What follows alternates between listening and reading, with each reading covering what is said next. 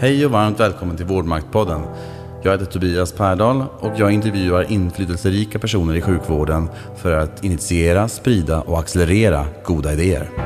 Tack alla lyssnare för återkoppling och delningar i social media. Och stort tack till Johannes Pärdal, ljudproducent och nybliven läkarkollega. Grattis bror, utan dig ingen podd. I avsnitt 8 träffar jag Daniel Forslund som är innovationslandstingsråd i Stockholms läns landsting med politisk tillhörighet i Liberalerna och med en gedigen och framgångsrik tjänstemannakarriär bakom sig i vårdmaktkorridorerna på Socialdepartementet, men även som chefstrateg på Vinnova, Sveriges innovationsmyndighet, korad Europamästare i e-hälsa.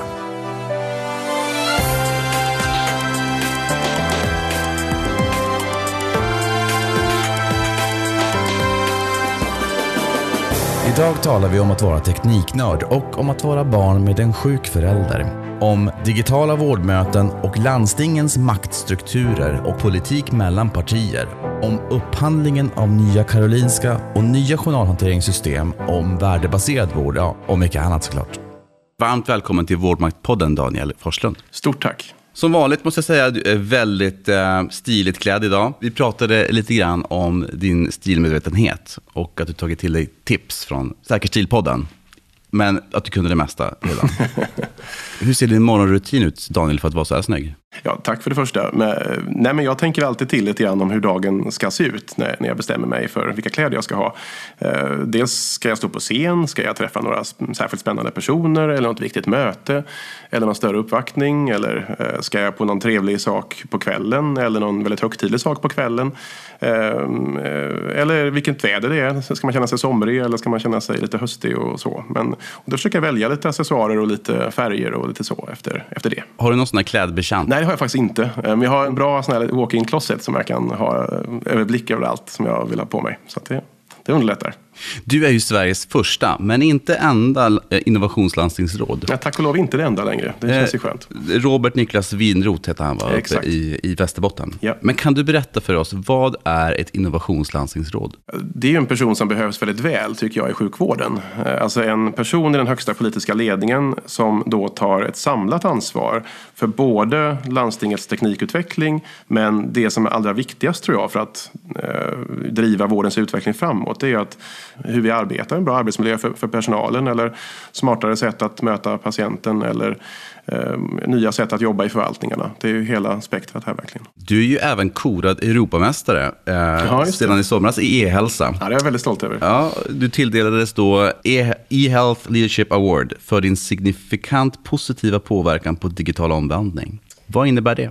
Jag har jobbat väldigt många år med de här frågorna och man sliter lite bakom kulisserna eller framför kulisserna och försöker städa väldigt mycket av det som, som inte har funkat och med ganska stor möda ibland sy ihop överenskommelser eller satsningar som, som sakta men säkert för frågorna framåt. Daniel, vad är ditt första minne av sjukvård? Min mamma var väldigt sjuk eh, när jag var eh, tre, fyra år. Och då ehm, var vi ganska mycket på Sahlgrenska sjukhuset i Göteborg då på den tiden. Hon fick en allvarlig eh, kärlsjukdom som ingen riktigt visste vad det var. Um, så att jag, jag minns många eh, somrar och eh, kvällar och dagar när vi var på, på sjukhuset med mamma. Uh, och det var under ganska många år som hon var uh, svårt sjuk. Vad är din känsla för sjukvården när du tänker tillbaka utifrån den här kontexten? Det måste vara väldigt präglat av din mor såklart. Men... Jo, det har det väl blivit. Uh, men också av hennes möten med vården och ibland kamp med vården.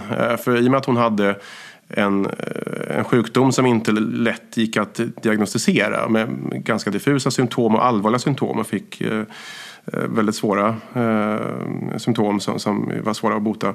Eh, så fick hon också kämpa väldigt mycket för att få eh, få rätt vård eller få bli hörd ens. Att, att ta, bli tagen på allvar på, på, på många olika sätt.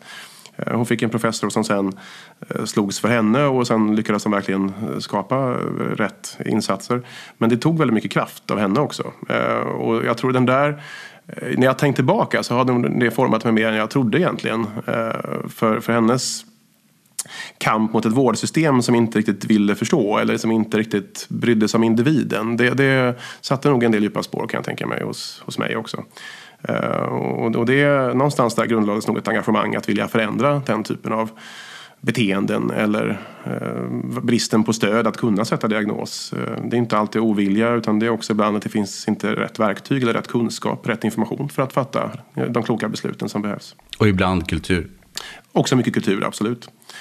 Eh, så det, det, har väl format en del av min bild. Men sen också naturligtvis eh, tacksamhet för mamma eh, lever ju än idag och hon, hon har en del följdsjukdomar fortfarande faktiskt.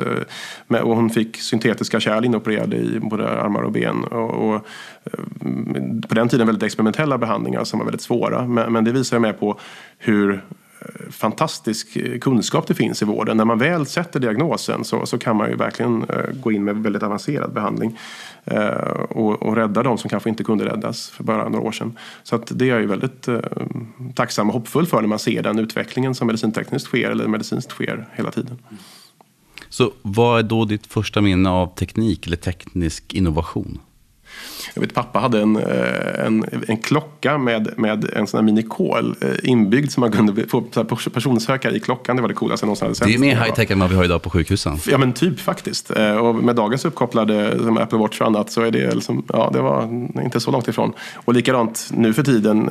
Jag, jag, jag är så nördig så jag, jag åkte, när, när iPaden kom, den första iPaden 2010, då då åkte jag faktiskt till USA och köpte en, en för att den skulle, det tog så länge innan den kom till Sverige så jag kunde inte hålla mig. Så det, då, det, det, så nördig är jag. Det gjorde jag med. Ja, se, det är så två. Det är en av det där. ja. Tänker du på kosten? Eh, jag äter alltid choklad på eftermiddagarna kan jag avslöja. Men, men eh, jag äter inte massa godis sådär bara för att jag ska. Mm, Daniel, du har ju jobbat i nästan 15 år som hög tjänsteman på Socialdepartementet i huvudsak. Och eh, också i huvudsak med sjukvårds och e-hälsofrågor. Vad brukar du säga att Socialdepartementet sysslar med? För allt som är det vardagsnära i livet på något sätt. Alltså från eh, vaggan till graven. Alltså verkligen från eh, föräldraförsäkring till hälso och sjukvård till det som då är pension och eh, vård i livets slut på något sätt. Så att det är verkligen hela spektrat. Vad minns du från den här tiden som du är mest nöjd över? Ja, men det var nog att sy ihop den här första IT-strategin för vård och omsorg som vi eh, med stor möda pusslade ihop under nästan två års arbete. Eh, de började resurssätta en del tjänster som hade inte tidigare funnits på, på banan tidigare. Mycket av de som, det som idag finns inom 1177 med med eh, nationell patientöversikt och, och gemensamma inloggningstjänster och annat. Det hade nog inte haft den spridningen som det hade haft idag om inte det hade funnits. Därefter så jobbar du som chefstrateg på Vinnovas innovationsmyndighet som driver eh, program för att stärka innovationskraften i Sverige. Med olika strategier för sjukvårdsutveckling bland annat. Vilka framgångar firade du på Vinnova? Det var en lite rolig historia från början för jag var inte särskilt nöjd med hur Vinnova eh, stödde vårdens omformning om man säger där. Eller förmågan att ta till sig projekt. För jag, jag ville att de borde satsa mera på Eh, den här grogrunden som måste finnas för att ett projekt ska fästa någonstans. Nio av tio projekt kanske bara gick rakt in i väggen och liksom, de nådde aldrig vidare. Eh, och då är jag väldigt stolt över att vi faktiskt lyckades få till eh, ett helt nytt programområde inom Vinnova som, som jag då ansvarade för att bygga upp. Som kallades innovationskraft i offentlig verksamhet. Som finns kvar än idag. Eh, och där man då har stött den typen av satsningar. Men då tänker man så här. Du har inte funderat på att bli entreprenör? Jag har kommit fram till, när jag också utvärderat mina tidigare yrkesroller, att jag, men jag trivs väldigt bra att jobba för det offentliga på något sätt. Jag, jag tror att det är mitt kall i livet, om man nu kan vara så gammaldags. Men, för jag, jag, jag gillar entreprenörsdrivet, det känner jag mig väldigt hemma i. När jag träffar andra entreprenörer så, så blir jag väldigt glad. För de ger mig energi, de har den här obändiga lusten att förändra och utveckla och jag känner väldigt mycket igen mig i, i den, den andan. Men samtidigt så, så ser jag ju att de behöver en vän på andra sidan. Och nu andra sidan är både kundsidan och den offentliga sektorn.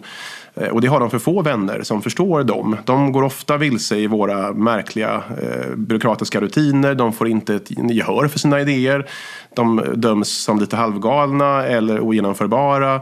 Eller bara att det är för jobbigt att ändra allt det där som behöver ändras för att din smarta lösning ska funka och bli nyttiggjord. Daniel, betyder det att du öppnar upp nu för att alla som är entreprenörer där ute som vill komma in och förstå och eh, liksom lära, lära sig det här systemet, hur man kommer in på den gigantiska landstingsmarknaden, ja. Sveriges näst största budget, Stockholms läns landsting, ja. då är du, du the guy to go to. Det gör de nästan redan idag, det kan mina medarbetare intyga. Vi får väldigt många mejl och samtal från jätteroliga och kreativa personer som jag inte hinner träffa alla eh, tyvärr då. Men jag försöker göra mig tillgänglig så gott det går. Att, att coacha dem vidare eller ge tips.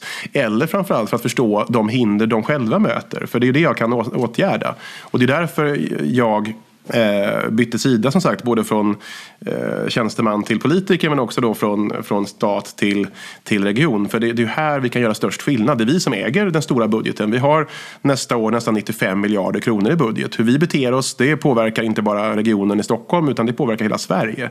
Eh, och vi har också en skyldighet tänker jag som stor vårdgivare att vara en bättre kund till de här små entreprenörerna till exempel. Att de får pröva sin nya lösning någonstans. Eh, stöter du på några intraprenörer? De som mm. liksom mm. kommer på saker? Väldigt många. Ja. Väldigt många. Och det är de som jag också kanske egentligen mest brinner för. För medarbetare i vården som har haft idéer och som har försökt få gehör för dem och som ingen har lyssnat på. De gör mig ännu mer förbannad, måste jag erkänna, att Eh, vi har, vi, vi har så mycket kraft internt i våra organisationer och vi tar inte vara på den fullt ut. Det är därför jag skapade en innovationsfond i Stockholms läns landsting. För att du som sjuksköterska eller fysioterapeut eller läkare ska kunna då söka pengar för, tillsammans med dina kollegor kanske för att lösa ett problem som du ser här och nu. Eller en möjlighet du såg på en konferens som du besökte. Nu vill jag pröva att tillämpa den på min klinik. Eh, och nu kan man få ett snabbspår för den typen av, av finansiering som man tidigare var tvungen att vända sig till externa parter för. Eller fastna i landstingets mångåriga budgetprocesser som gör att många av de här små idéerna dör. Stora reformer kommer fram kanske men de här vardagsinnovationerna som bärs av medarbetarna de är mycket svårare och då är en sån här satsning väldigt viktig. Och det är väl det som är den största sorgen här att eh, när vi lyckas att för en gångs skull finansiera sånt här projekt så blir det oftast bara ändå väldigt lokalt. Det stannar på den kliniken. Det sprids inte ens till grannkliniken på samma sjukhus. Varför är det så? Jag tror att det är mycket kultur. Alltså det är inte bara att det saknas eh, tekniskt stöd eller eh, spridningsmöjligheter på det sättet. Det är mest att man Eh, ibland är det enklare att åka över Atlanten och besöka en amerikansk vårdgivare för att lära av någonting spännande som händer där än att gå ner två trappor och kolla på vad gjorde de på, på medicinkliniken. De kanske har löst någonting på ett väldigt spännande sätt som vi också behöver här några trappor upp. Nu har vi en, en ny policy i landstinget för både innovation och digitalisering som, som gör det här till ett huvuduppdrag för alla våra chefer att belöna medarbetare som, som kommer med idéer och att frigöra tid för det i det, det vardagliga arbetet och det kommer inte hända över en natt att chefer för medarbetare ute i sjukvården ska få tid avsatt för att jobba med de här frågorna. Ja, och både, belönas för både det. chefer och medarbetare. För cheferna ja, måste ju ge sina medarbetare också i sin Absolut. tur möjligheten att göra det här. För om du har en närmaste chef som säger att här jobbar vi med vårdproduktion, ska inte hålla på med de där jobbiga idéerna som du har. Då får du börja forska eller söka dig utanför vården. Då tappar vi väldigt många kreativa medarbetare som istället jobbar hos en privat vårdgivare eller sätter sig på KI och driver något spännande forskningsprojekt. Eller blir entreprenörer kanske då och skapar den här helt fristående lösningen som vi ser många av med eh, mindoktor.se min doktor.se eller Kry eller de här nya Wearlabs och alla möjliga spännande satsningar. Eh, det är ju doktorer som, som ofta som tröttnar på vårdens trötta strukturer och, och, och kastar sig ut i en entreprenörsvärld istället. Och jag vill ju behålla dem internt i landstinget. De behöver vi som allra bäst, tänker jag. Daniel, många av Vårdmaktpoddens lyssnare har redan hört av sig med en stor frustration över att det är så dunkelt och komplext hur ledning och styrning av landstingsdriven, framför allt sjukvård, ser ut. Och då tänkte jag att med din gedigna och framgångsrika bakgrund som tjänsteman mm. på Socialdepartementet, men mm. också nu som landstingsråd och med en i princip komplett översikt och förståelse för landstingens maktstrukturer. Mm. Kan inte du vara vänlig och förklara pedagogiskt för lyssnarna hur ledning och styrning av sjukvården ser ut i landstinget. För det är väl ganska generiskt mellan landstingen, de 21, jo, men det hur det, här ser ut. Oavsett storlek så är man ju ändå ganska lika. Om jag, kan, för jag har en ingress här. Om jag mm. tänker så här bara, att man kan gå nerifrån upp. Från sjuksköterska så har man, eller läkare, mm. eller vårdpersonal i övrigt, har ofta ungefär fyra steg upp till sin sjukhusdirektör. Mm. Eller primärvårdsdirektör, till exempel, ja. om du jobbar inom, på vårdcentraler. Eh, det vill säga att du har en linjechef, du har en klinikchef, du har en divisionschef och sen kommer man upp då på, på, mm. på, en, på nivå motsvarande sjukhusdirektör. Mm. Och den utses av en styrelse. Ja. Vilka är det som sitter i styrelsen för att, och hur man tillsätter dem i styrelsen? Det jag tänkte att du kunde ta vid lite grann och bara berätta liksom, hur man jobbar från landstingsråd ner och, mot styrelsen. Ja, det är ju en komplex process, eh, beslutsprocess i landstingen, det måste man säga. Och, och, organisationen tar länge att förstå. Och det är väl därför jag känner mig lite tryggare på något sätt i den här rollen. Jag hade nog inte ens vågat ta den om jag inte hade jobbat med sjukvård så länge så att jag förstår eh, hur svårt det kan se ut. Nej, för, för vi som landstingsråd vi jobbar ju närmast med, med landstingsdirektören och våra närmaste förvaltningsdirektörer. Och de sitter ju i den centrala förvaltningen ofta som är då en, både hälso och sjukvårdsförvaltningen och landstingsstyrelsens förvaltning i Stockholms läns landsting. Och det är ungefär samma i andra landsting att man har en central förvaltning med, med tjänstemän som då eh, skriver våra avtal med vårdgivarna eller ägaruppdragen till sjukhusen och sätter, vad, ska man säga, vad mäter vi för kvalitet och annat lokalt och fördelar pengar och följer upp pengarna till exempel. Får jag bara sticka in där med att säga då att eh, det vi säger nu, landstingsdirektören, det är den högsta eh, tjänstemannen. Opolitiska tjänstemän, Opolitiska ja, tjänsteman. Precis. Och gränssnittet där går då mellan er som är politiskt tillsatta. Precis, och det kanske man ska förklara först egentligen, för det är ju en stor skillnad på den politiska organisationen. Många tror nog att hela förvaltningen är politisk på något sätt. Men alltså här i Stockholm, vi är nio landstingsråd och sen har vi några medarbetare var. Eh, sen, finns det ju, sen lyder vi under fullmäktige som är 149 ledamöter i, i Stockholms län. Och de är eh, förtroendevalda då, eh, eh, fritidspolitiker. För, för, hela förvaltningen eh, och landstinget och leds av en, eh, av en landstingsdirektör som är högsta politiska tjänsteman. Eh, sen finns det då förvaltningschefer som är då hälso och sjukvårdsdirektör till exempel. Eller, eh, och de har ju då, och vi har löpande kontakt med sjukhusledningarna till exempel då, som är den utförande delen. Så man kan väl också beskriva det som en, en beställardel och en, en utförardel i vården också. Där sjukhusen och hela primärvården och våra andra bolag då är utförare av sjukvård. Eh, och då har ju varje sjukhus dels en en, en styrelse som, som utses av oss politiker men den består inte av politiker. Då har man valt ett antal seniora personer som, som kan sjukvård ur olika perspektiv som sitter där. Det är också de, den styrelsen som sjukhusdirektören jobbar väldigt mycket emot och, och får sina uppdrag ifrån och redovisar till. Eh, men sjukhusdirektören har ju också då en ledningsgrupp med alla divisionschefer liksom på sjukhuset naturligtvis, liksom med, en, med en högsta ledning i sjukhuset. Och sen har ju varje division eh, sina klinikchefer samlade i en ledningsgrupp. Eh, och det finns ju teamledare långt ner på, på, på liksom golvet om man säger. Så att det är en ganska hierarkisk organisation med många nivåer. Vilket kanske också kan förklara en del av eh, den här lite långsamma hastigheten ibland när man ska förändra saker. För att du ska passera ganska många chefsnivåer innan du når upp till, till de som sätter budgetramarna eller till de som kan förändra eh, de här stora penseldragen. Att som sätta in landstinget på en ny riktning till exempel. Det krävs ju ett politiskt beslut och många ute i vården tror jag inte riktigt har den kontaktytan mot den, den politiska nivån till exempel. Och det, det gör nog att man kan känna sig ännu mer frustrerad. Man förstår inte ens var det beslutet fattas någonstans. Är det i fullmäktige, är det i landstingsstyrelsen, är det i en beredning till landstingsstyrelsen, är det i hälso och sjukvårdsnämnden eller är det någonstans eh, nere på kliniknivå? Alltså man har ingen riktigt koll på det tror jag. Och det, det skapar nog en del eh, frustration. Och inte minst som vi pratade om, personer som kommer utifrån har ju lika svårt eller ännu svårare att förstå. Vart ska jag vända mig med mitt klagomål eller min idé eller min lösning som jag vet vården behöver? Då går man ganska snabbt vilse i den här stora hierarkiska organisationen. Men det är också därför jag är en stor vän av regionreformerna som nu kanske inte, inte då blir av som det ser ut. Eh, att modernisera de här beslutsstrukturerna. För jag tror att en sån process, att ta bort väldigt mycket byråkrati och väldigt mycket administrativa gränser i vård-Sverige. Det hade förlöst en hel del förändring kring hur vi fattar beslut och hur vi driver de här förändringarna. Det tror jag hade varit en ganska viktig satsning faktiskt. Det kan bli lite svårt eh, när det gäller ansvarsutkrävande tycker jag. Alltså, särskilt i ett stort landsting som, som Stockholm. Med, vi har över 44 000 anställda. Vi har väldigt många nivåer och en ganska disparat organisation. Där man också är van vid självstyrelse långt ner i organisationen. Eh, på sjukhusnivå eller kliniknivå till exempel. Och det är nog svårt för väljaren eh, som ska välja en ny landstingspolitiker eller den anställda som inte ser den här förbättringen utvecklingen komma?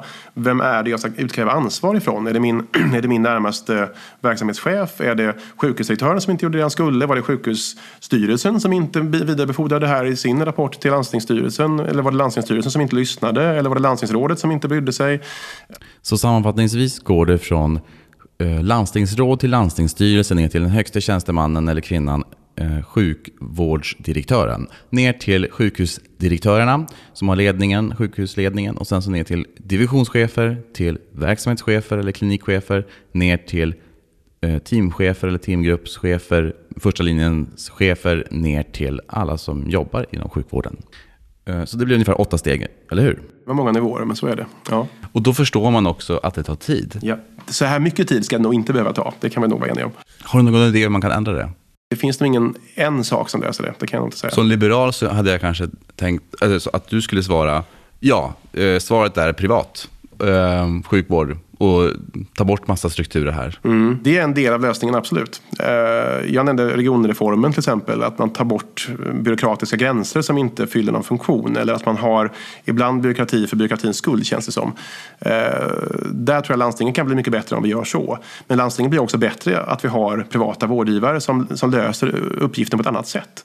Ser man på stora privata vårdkoncerner som driver sjukhus här i Stockholm eller som driver små vårdcentraler. De tar bort mycket av den här, de här mellannivåerna och får en mycket mer lärande organisation där medarbetarnas idéer räknas och där patienternas synpunkter räknas och omsätts till handling på ett par månader, inte på ett par år som i landstinget. Och det, det är därför många söker sig till en sån vårdgivare, för där får jag utlopp för mina idéer. Så vad tänker du då om vinster i vården? Jag, jag, tycker det är en ganska självklarhet att det ska finnas vinster. Är det bättre att vi har en förlustverksamhet? Och likadant, varför skulle det vara fult att få en vinst när jag bedriver bra sjukvård?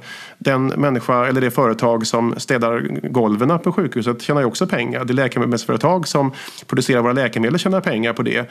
Eh, de IT-företag som tar fram våra IT-lösningar, de tjänar pengar, skattepengar på sjukvård. Färdtjänstbilarna. Ja, precis. Det finns så många exempel som helst. Och att bara då fokusera på de människor som vill göra gott och, och och skapa en ny typ av vård med en ny filosofi eller nya arbetssätt och driva det i ett privat vårdföretag. Det här är ju eldsjälar som är vård Eh, vårdpersonal som vill göra någonting bra. Varför ska man straffa dem och säga att ni får inte göra en vinst på det? Självklart ska det i första hand återinvesteras i i, i företaget och det gör ju de flesta.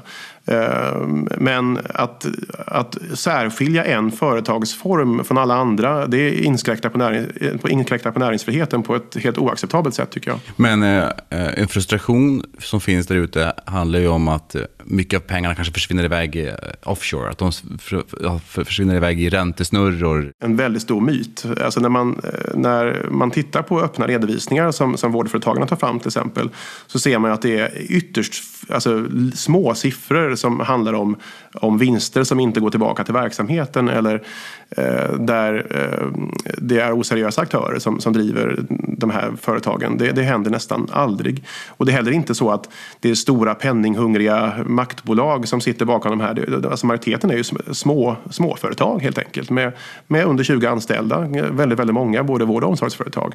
Det de flesta tror jag går runt och känner är väl att det är vårdplatsbristen som är det stora problemet. Mm. Sjuksköterskebristen där ute. Ja. Liksom. Det är mina stora problem. Mm.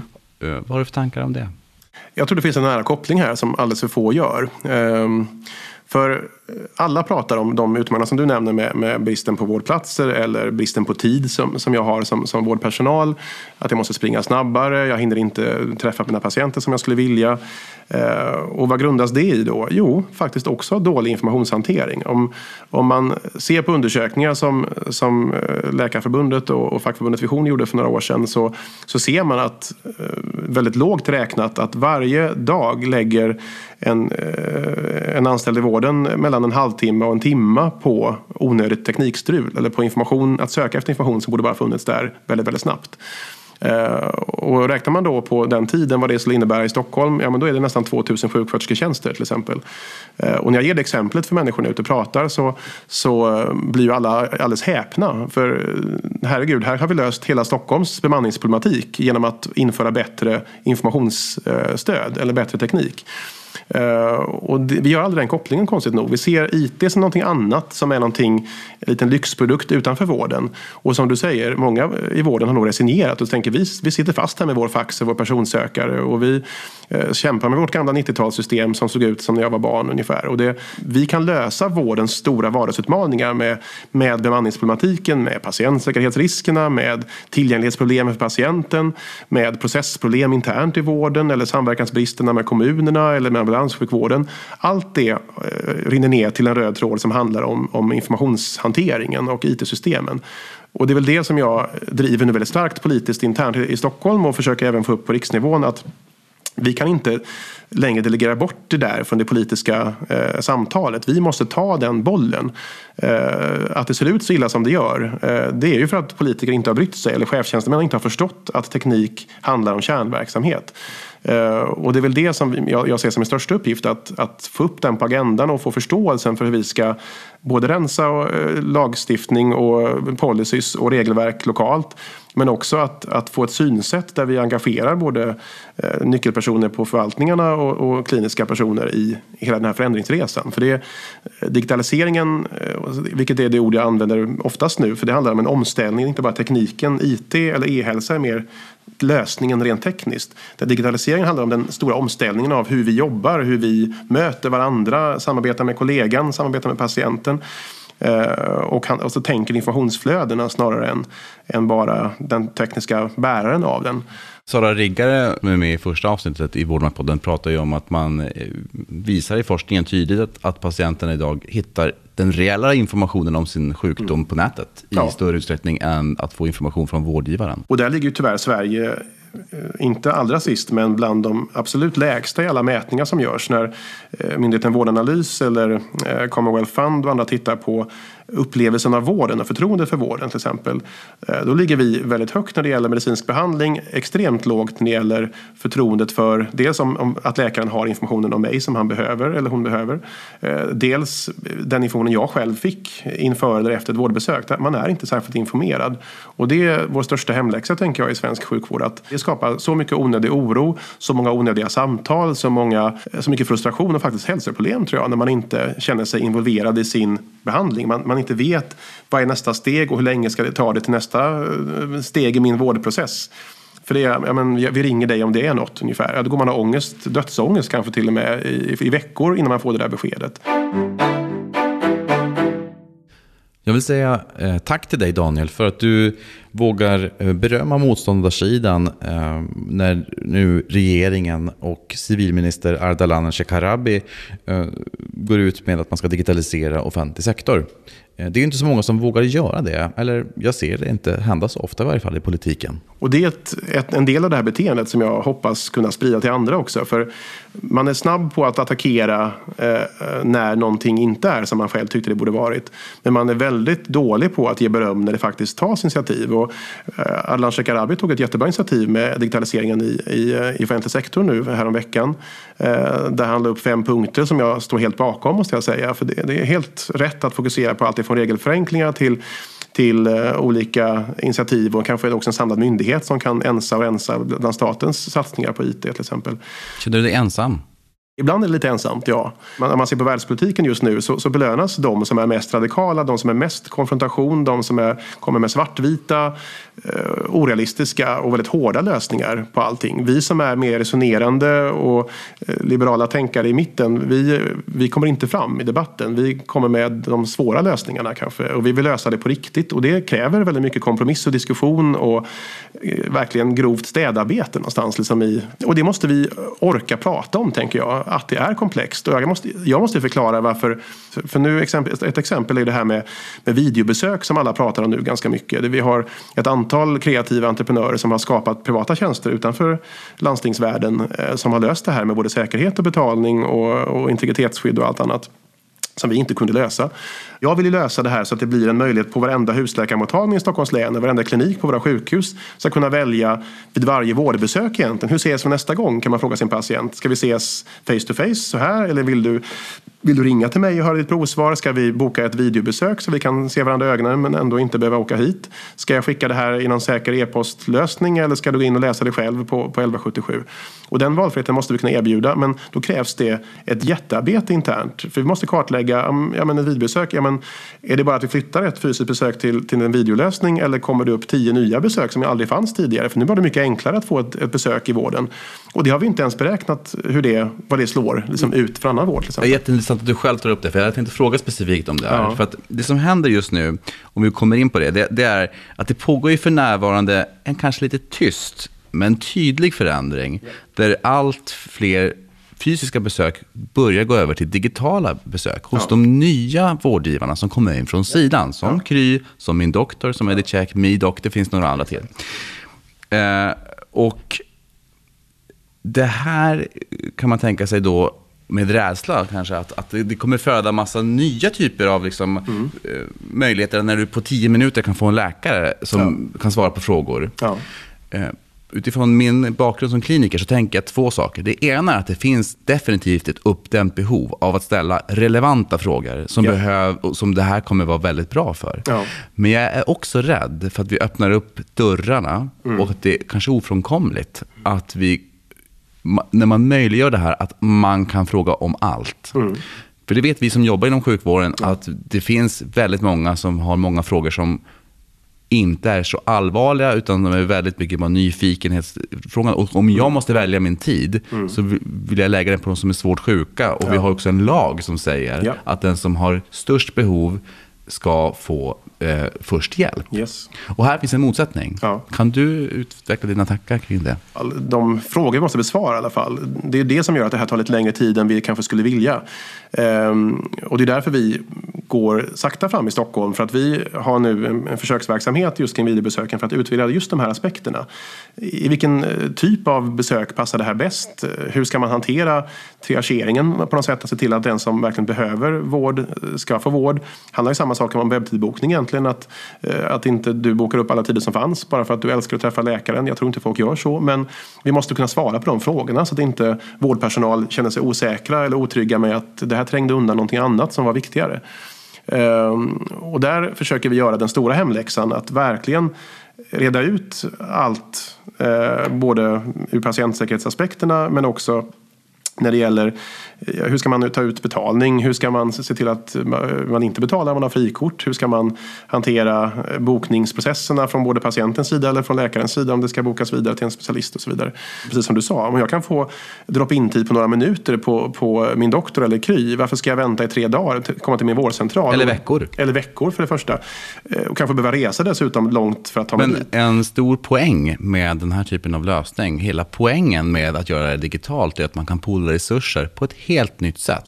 Och tänka att du, du, kan vara doktor och jobba i Australien eller för den delen Skåne och ta hand om någon uppe i Korpolombolo som yes. behöver hjälp. Och då blir det problematiskt om vi tänker regionalt i ersättning kanske. Ja, eh, men det ställs vi för redan nu egentligen. Alltså för med patientlagen kan du söka öppenvård i hela landet och det har vi faktiskt inte löst än. Alltså landstingen är ganska eh, blåögda där. Man tänker att det här löser sig av sig självt tror jag. jag vet inte, man interndebiterar varandra? Det gör man, men det krävs en helt annan debiteringsmodell tror jag. Det, när det här blir flöden som blir mycket större än, än tidigare. Det jag hör och när jag frågar runt, och det är inte bara jag som frågar runt, det är ganska många som börjar titta på det här nu och intervjuar primärvårdsläkare och går igenom listorna och kollar på diagnoser, vad det är som kan gå ut på digitalt. Vi pratar alltså någonstans mellan 20 och kanske 40 procent, om man räknar också då med återbesöken. Det är 17 miljoner primärvårdsbesök per år i Sverige. Det blir väldigt många besök över nätet. Extremt många. Och vi, just nu, det är bara början av oh, det här. Det är väldigt tidigt, men det här kommer ju hända. Och det måste hända. Eh, och jag tänker att vi kommer aldrig överleva som offentligt finansierade vårdaktörer om inte vi möter den här typen av krav. För kan inte vi erbjuda samma typ av servicenivå och modern digital tillgänglighet för patienterna så betalar nog folk gladeligen en hundralapp extra eller två för att få den, den bättre privata lösningen. Och det tror jag inte är bra liksom, för den offentliga sjukvården, för vi ska inte bli ett B-lag här. I sjukvården så används i huvudsak gamla IT-system som mm. har dåligt användargränssnitt och brister i interoperabilitet till exempel. Därför bland annat så har ju 3R kommit till tidigare. Mm. Man skulle upphandla ett nytt journalhanteringssystem. Mm. Men Skåne hoppade av först mm. och sedan mera här nu under hösten också VGR. Mm. Varför hoppade de här landstingen av upphandlingsprocessen? Det var nog eh, att man hade helt olika förutsättningar lokalt. Både när det gäller eh, ekonomi och teknisk standard, som jag tror var Skånes eh, stora problem. Att man behövde någonting ganska snabbt om man ville göra en uppgradering av det man hade, snarare än att göra den här stora resan. Att tänka om hur vi eh, dokumenterar i vården. Och jag tror också att vi hade vunnit mycket på att kunna utmana leverantörerna tillsammans, kunna dela eh, resurser tillsammans, kunna kompetensutveckla vår personal tillsammans. För det här är ju en jättesvår förändringsresa. Hur många år bort är det innan vi har ett nytt journalhanteringssystem? Ja, men två, tre år är väl det vi brukar säga nu i alla fall. Eh, och det tror jag kan, kan hålla, även om vi nu är lite försenade med att sätta igång själva upphandlingen. Eh, men någonstans eh, slutet 2018 och under 2019 och framåt så ska ju det här nya systemet vi hoppas upphandla då rullas ut. Och du säger två år, så 2018 så är det här igång? 18-19 ska jag säga. Man vet ju aldrig med överklaganden och sånt där kring upphandlingsprocesser. Men, men om vi säger 19 så tror jag då, då börjar man se det här på riktigt i, i sjukvården i Stockholms län. Får man utmana det här bara Daniel? Du är ändå tekniknörd och ja. Eh, du vet det händer väldigt mycket väldigt snabbt inom ja. branschen. Tre år bort. Det är ganska långt bort. Det är det. Och i utvecklingstermer så är det ju en, en verkligen ocean av tid där det kan hända så grundläggande nytt också. För om man tänker bara för tre år tillbaka, Eh, hade jag sagt då att jag satt, sitter här med en uppkopplad klocka på, på arm, eh, armleden som kan prata med mig och som kan skicka signaler, jag kan prata telefon i den. Det trodde inte jag för tre år sedan. Den finns där nu. Så det är därför vi dels väljer en, det som kallas en konkurrenspräglad dialog. Att vi ska kunna ha en dialogprocess med leverantörerna som då ska möta vårt behov av informationsförsörjning. Vi låser oss inte vid en viss teknisk lösning, utan de får eh, tävla om att lösa våra problem. 25-30 år sedan när dagens system kom fram Eh, vilket ju är hisnande när man tänker hur mycket som har hänt på den tiden. Men de lever med idag. Men de är ju låsta till hur, de, hur, hur världen såg ut på 90-talet egentligen. Som innovationslandstingsråd, Daniel, var är min smartphone? Var är min mm. Watson mm. ja. i sjukvården? Vi har ju haft en, en, lite informell dialog med, med IBM som, som flera landsting har haft. Och jag tror ju att det skulle inte vara jättesvårt att ändå göra en förstudie i i Stockholms län att testa det här inom cancersjukvården till exempel, där man har eh, goda erfarenheter från, från amerikanska vårdgivare. Likadant att få eh, mera mobilitet i vården, det håller vi på att lösa redan med vårt gamla Take Care faktiskt. Vi har lyckats med lite fix och tricks se till att vi kan eh, visa upp Tekär och vi kan skriva i Tekär från en, en, iPad eller en eh, surfplatta på, på olika sätt. Det används nu i, i distriktssjukvården och primärvården eh, i, eh, i både Norrtälje och, och på Djurö och på ett par ställen till. Och tanken är att det också ska lanseras på sjukhusen efterhand så att vi också kan börja eh, som säga, öva på det nya arbetssättet som, som den moderna tekniken kommer komma med sen, när vi får ett annat typ av journalsystem. Men om det nu finns det redan, varför har inte alla det här nu då? Dels för att TechCare är svårt att anpassa. Det klarar inte av eh, den här typen av stora mängder av nya funktionaliteter, för då, då är systemet inte helt enkelt dimensionerat för det. Det andra är ju att det här är fortfarande ganska, eh, hör och häpna, ny teknik. Ja, det har funnits iPad sedan 2010, men nu först började användas i vården. Och vi har heller inte riktigt eh, designat om varken processer eller IT-miljöer som man klarar av den typen av, av, verktyg. Vilket ju jag nästan skäms att säga att vi 2016, snart 2017, fortfarande inte har, har löst det här. Och det är väl det som, som vi nu lägger stor kraft vid. att börja ge de verktyg som alla har efterfrågat ganska länge, eh, bland alla vårdens professioner. När? När det kommer. Mm. Jag tror alltså att under nästa år så kommer det här börja finnas lite bredare ändå. Eh, men det är nog först, alltså, tror jag, 2019 och framåt som det här kommer komma ut i större skala. Hur ska landstingsdriven, eller för den delen privat sjukvård, kunna klara av att rekrytera adekvat kompetens mm. för att hinna med den här tekniska utvecklingen? Ja. Eh, jag, tänker, jag har pratat med några andra entreprenörer som ligger i framkant. Mm. Eh, som Kry, som min doktor. Ja. Det är det absolut svåraste även för dem. Mm. Att kunna rekrytera rätt kompetens. Ja. Så hur ska landstingen och, och vårdgivarna kunna mm. liksom bli attraktiva för, för mm.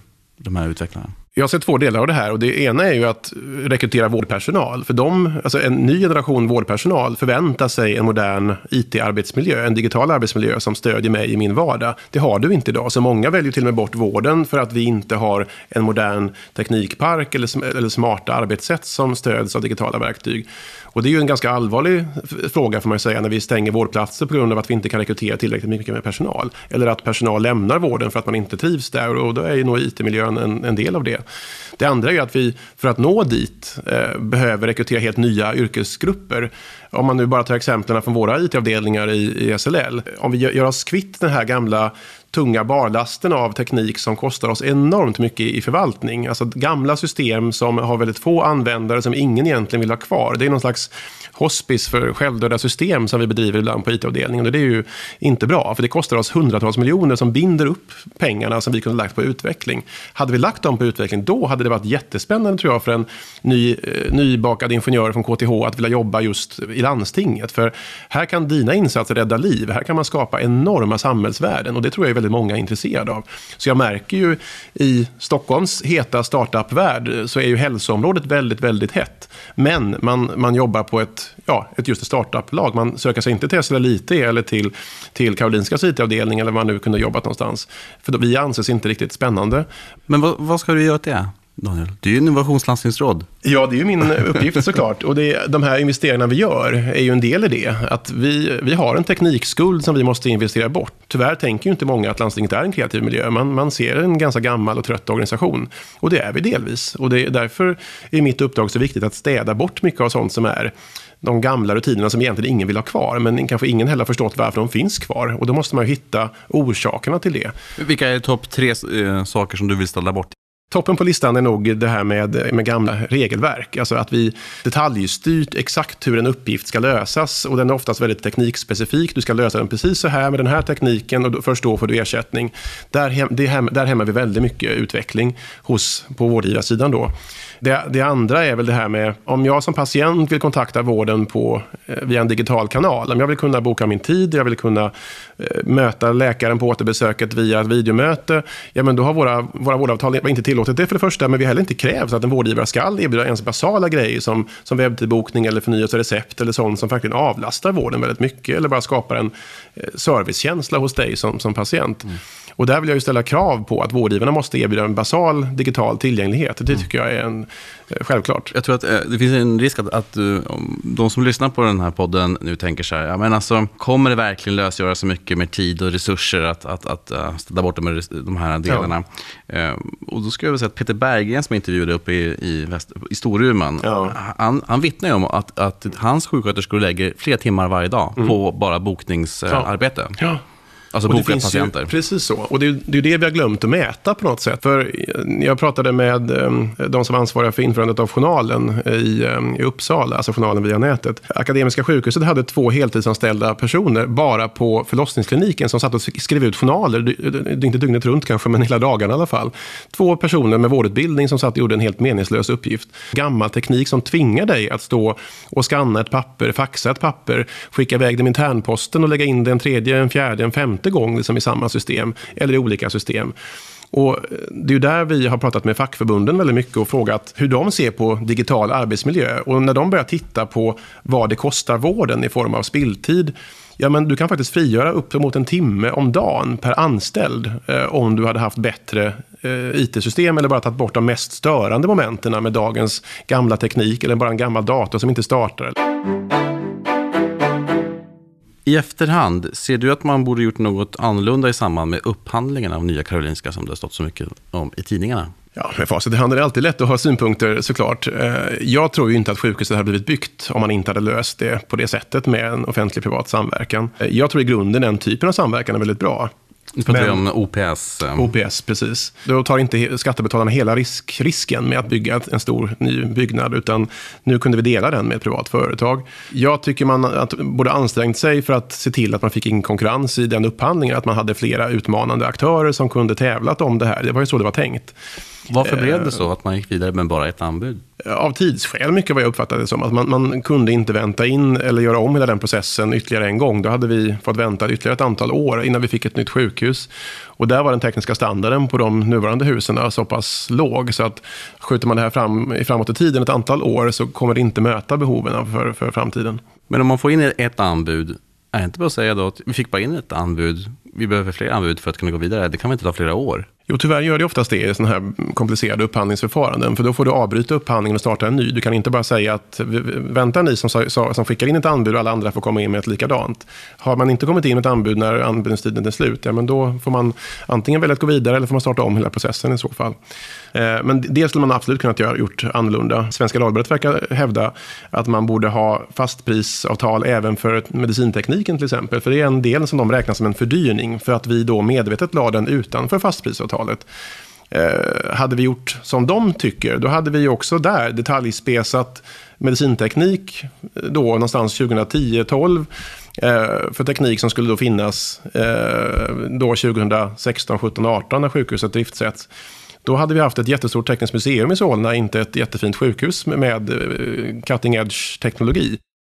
Vad är dina tankar om värdebaserad vård som strategiskt koncept för sjukvården? Och som inte bara är en Stockholmsfråga, utan det sker ju även i, i Uppsala och i eh, VGR och på Absolut. Jag tror alla svenska vårdgivare tittar på de här modellerna och har prövat den i någon liten skala någonstans. För det, det här tycker jag är en väldigt sympatiskt sätt att se på, på vården och se på Eh, på patientens roll i vården. Gå från en organisation som är byggt för organisationens bästa till att bygga en organisation som är byggd för patientens bästa. Det borde det ha varit naturligtvis alltid. Och jag säger inte att vi inte har haft den, det tänket tidigare, men organisationer har hindrat oss att skapa ett välfungerande flöde för patienten mellan olika kliniker. När vi som, som ledningar i landstingen har mätt varje inte bara sjukhus utan också varje division, varje klinik efter vad som är bäst för den kliniken. Om den här kliniken håller sin budget, och man optimerar allting för sin lilla bubbla, ja, men då är, är, du bra. Men om patienten som då ska passera fem kliniker för att få sin behandling,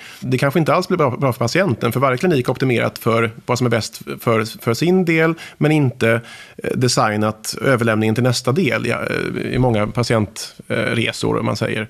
Och där har vi skapat problem eh, för både oss själva själva och för patienterna med onödiga väntetider eller att du känner att du faller mellan stolarna. Det finns ingen som tar ansvar för din, din långvariga behandling som kanske pågår under flera år eller åtminstone flera månader om du ska genomgå en, en svår behandling. Eh, och att då designa eh, hela sjukhusets arbetssätt eh, och eh, organisation efter patientens resa genom sjukhuset utifrån vilken sjukdom du har.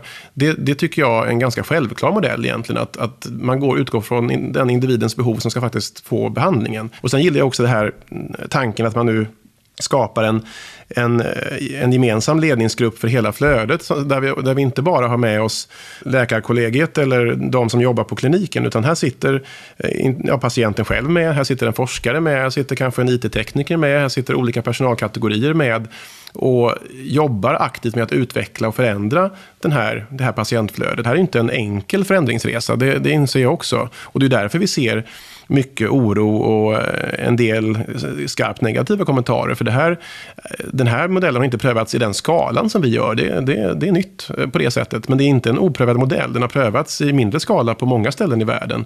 En kort sammanfattning av kritik mot, mot den tidigare sjukvårdsorganisationen är väl att patienten med regelbundenhet blir Svarte Petter. Ja. Det är ingen som vill ta ansvar för patienten för att de kanske har många olika tillstånd och då så hamnar de i mellan stolarna. Diskuterar ni den här frågan mycket? Nästan varje dag kan jag säga. och det är inte bara för att det står i tidningen om det, utan det här är ju en fråga som eh, ibland håller mig vaken på natten också. För det här är ju en, en så pass stor driftsättning som vi inte har gjort i Sverige på väldigt lång tid.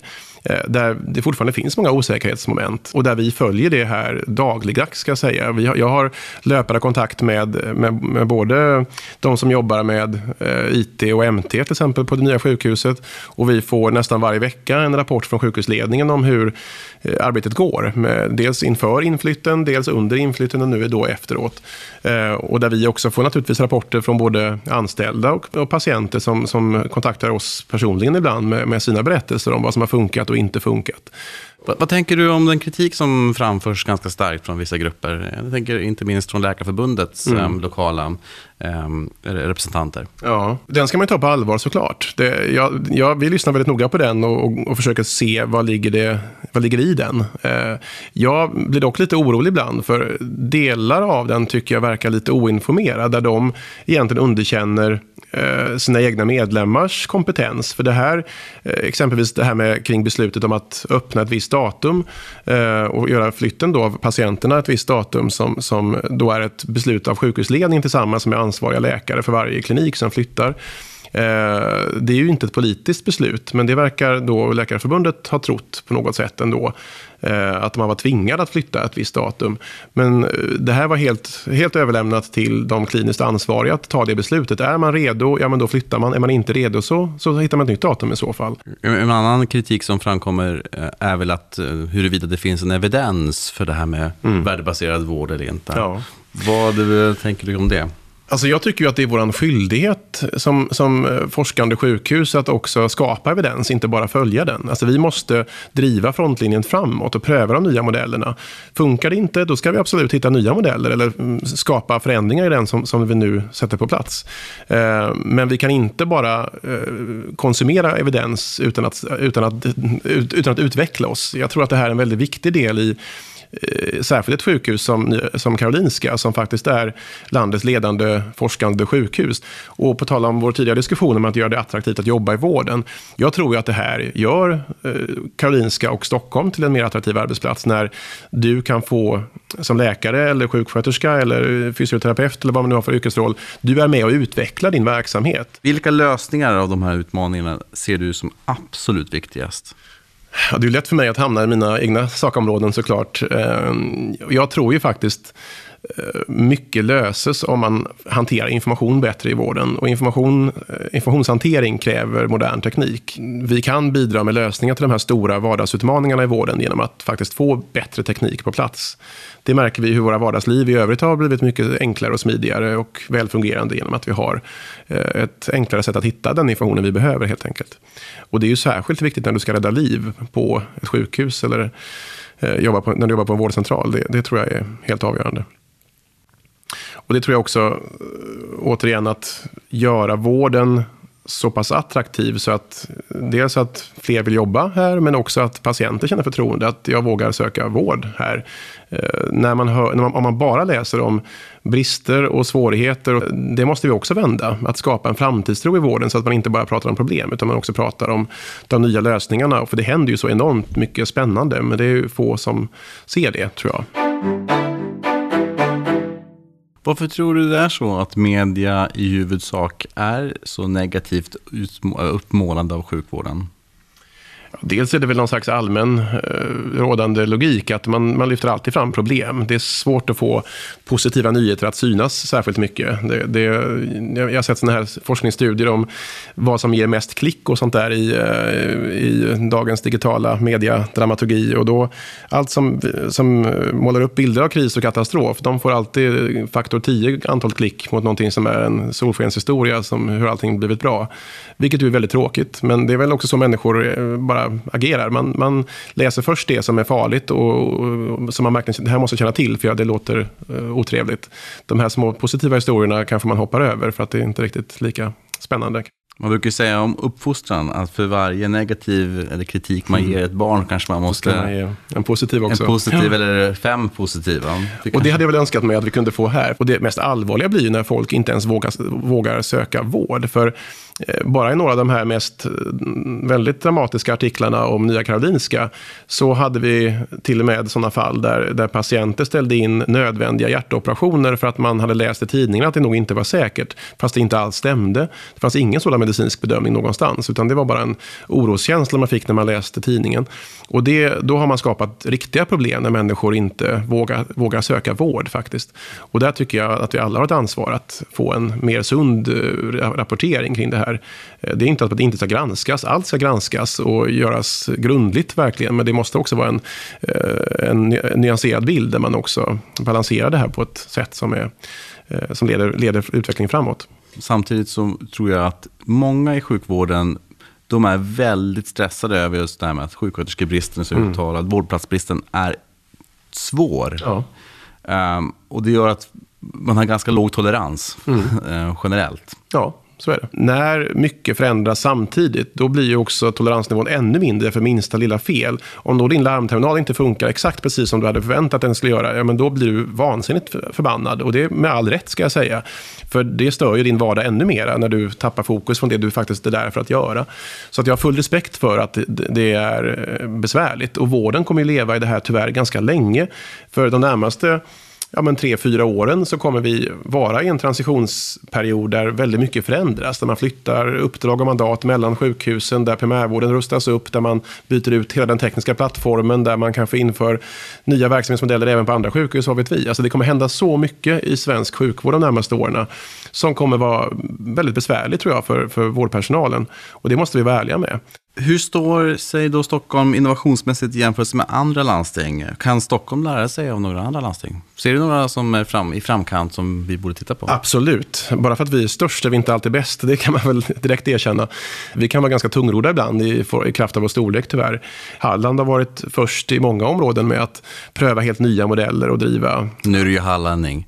Så... Jag är ju det, så jag är lite partisk där kanske. Eh, men jag tycker ändå de har varit modiga i många, många år faktiskt.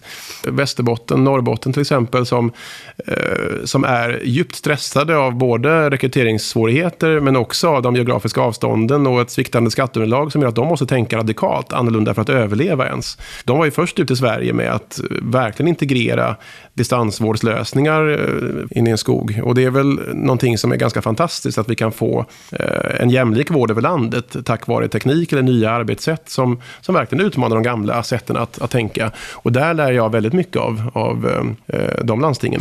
Om fem år, då är vi i början på 2020 eller 2021 säger vi. Hur ser sjukvården ut då? Vi har nu tagit de här stora investeringsbesluten som faktiskt eh, håller på att ge effekt. Och de kommer ge stor effekt tror jag om ja, fyra, fem år. Då kommer det synas verkligen hur alla våra andra akutsjukhus till exempel är utbyggda, eh, moderniserade, renoverade. Att primärvården har fått de nya resurser man har saknat och att patienten kan vara inkluderad i sin vård. Det kommer ha löst sig tills 2020, det, det tror tror jag, 2021. Då kommer vi till lite avrundningsfrågor. Ja. Vad vet du om sjukvården som du tycker att andra borde känna till?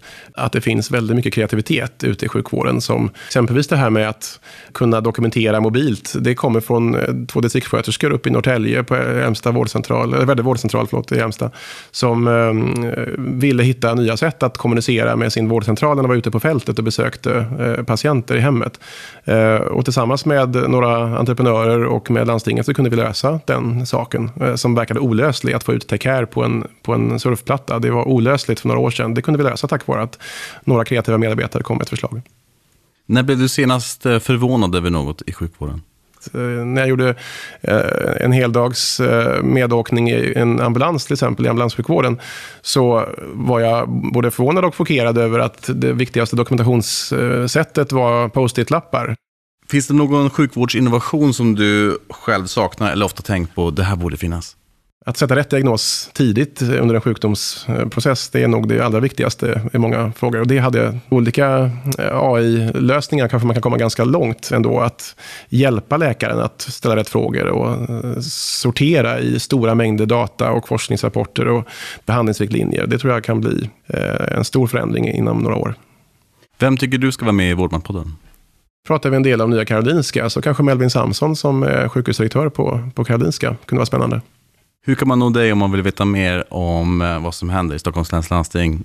Vill man ha snabba svar ska man nog eh, tweeta mig, tror jag. För på Twitter är jag ganska snabb att svara. Eh, på mail är jag ibland långsam att svara, men ibland ganska snabb. Eller på min Facebook-sida, det är väl de som är de enklaste kanalerna. Instagram? Ja, absolut. Snapchat? Nej, inte. Det har jag inte riktigt sett värdet riktigt än. Men jag har ganska många kanaler, både Twitter och Facebook och Instagram och LinkedIn. Och Sen lite vanliga mejl. Man kan inte faxa mig tror jag inte. Det vill jag inte i alla fall. Lustigt. Jag, tro, jag, jag trodde att du var en snabb kille. Jag borde kanske vara det. Eh, men jag vet inte om jag är för gammal för det. Men eh, nej, jag har inte riktigt hittat den formen än. Är det något som du hade önskat eller som du hade tänkt att få tala om idag som vi inte har hunnit beröra? Vi kanske pratade lite för lite om patienter. Alltså vad förväntar sig eh, patienten av vården? Det borde vi pratat mer om kanske. Stort tack för att du var med i Vårdmatpodden. Stort tack, det var jätteintressant dialog.